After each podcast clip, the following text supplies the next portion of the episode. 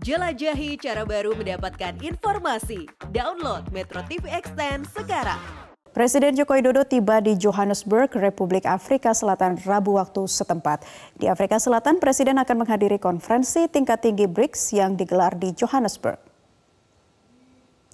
Saat tiba di Johannesburg, Presiden disambut Menteri Kehutanan, Perikanan, dan Lingkungan Afrika Selatan, Barbara Kriki, Manajer Senior Departemen Hubungan Internasional dan Kerjasama Afrika Selatan, serta Dubes RI untuk Republik Afrika Selatan, Saud Purwanto Krisnawan. Di bandara, Presiden juga turut disambut dengan tari Zulu yang merupakan tarian penyambutan dari Afrika Selatan.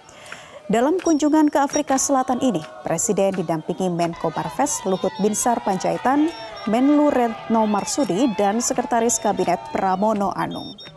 Dari dari Bandar Udara Internasional OR Tambo, Presiden Joko Widodo dan rombongan langsung menuju hotel tempatnya bermalam.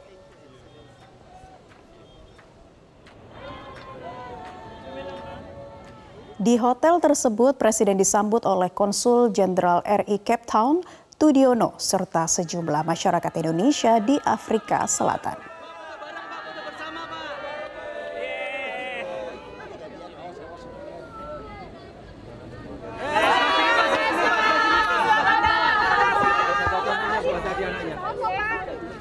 Pak.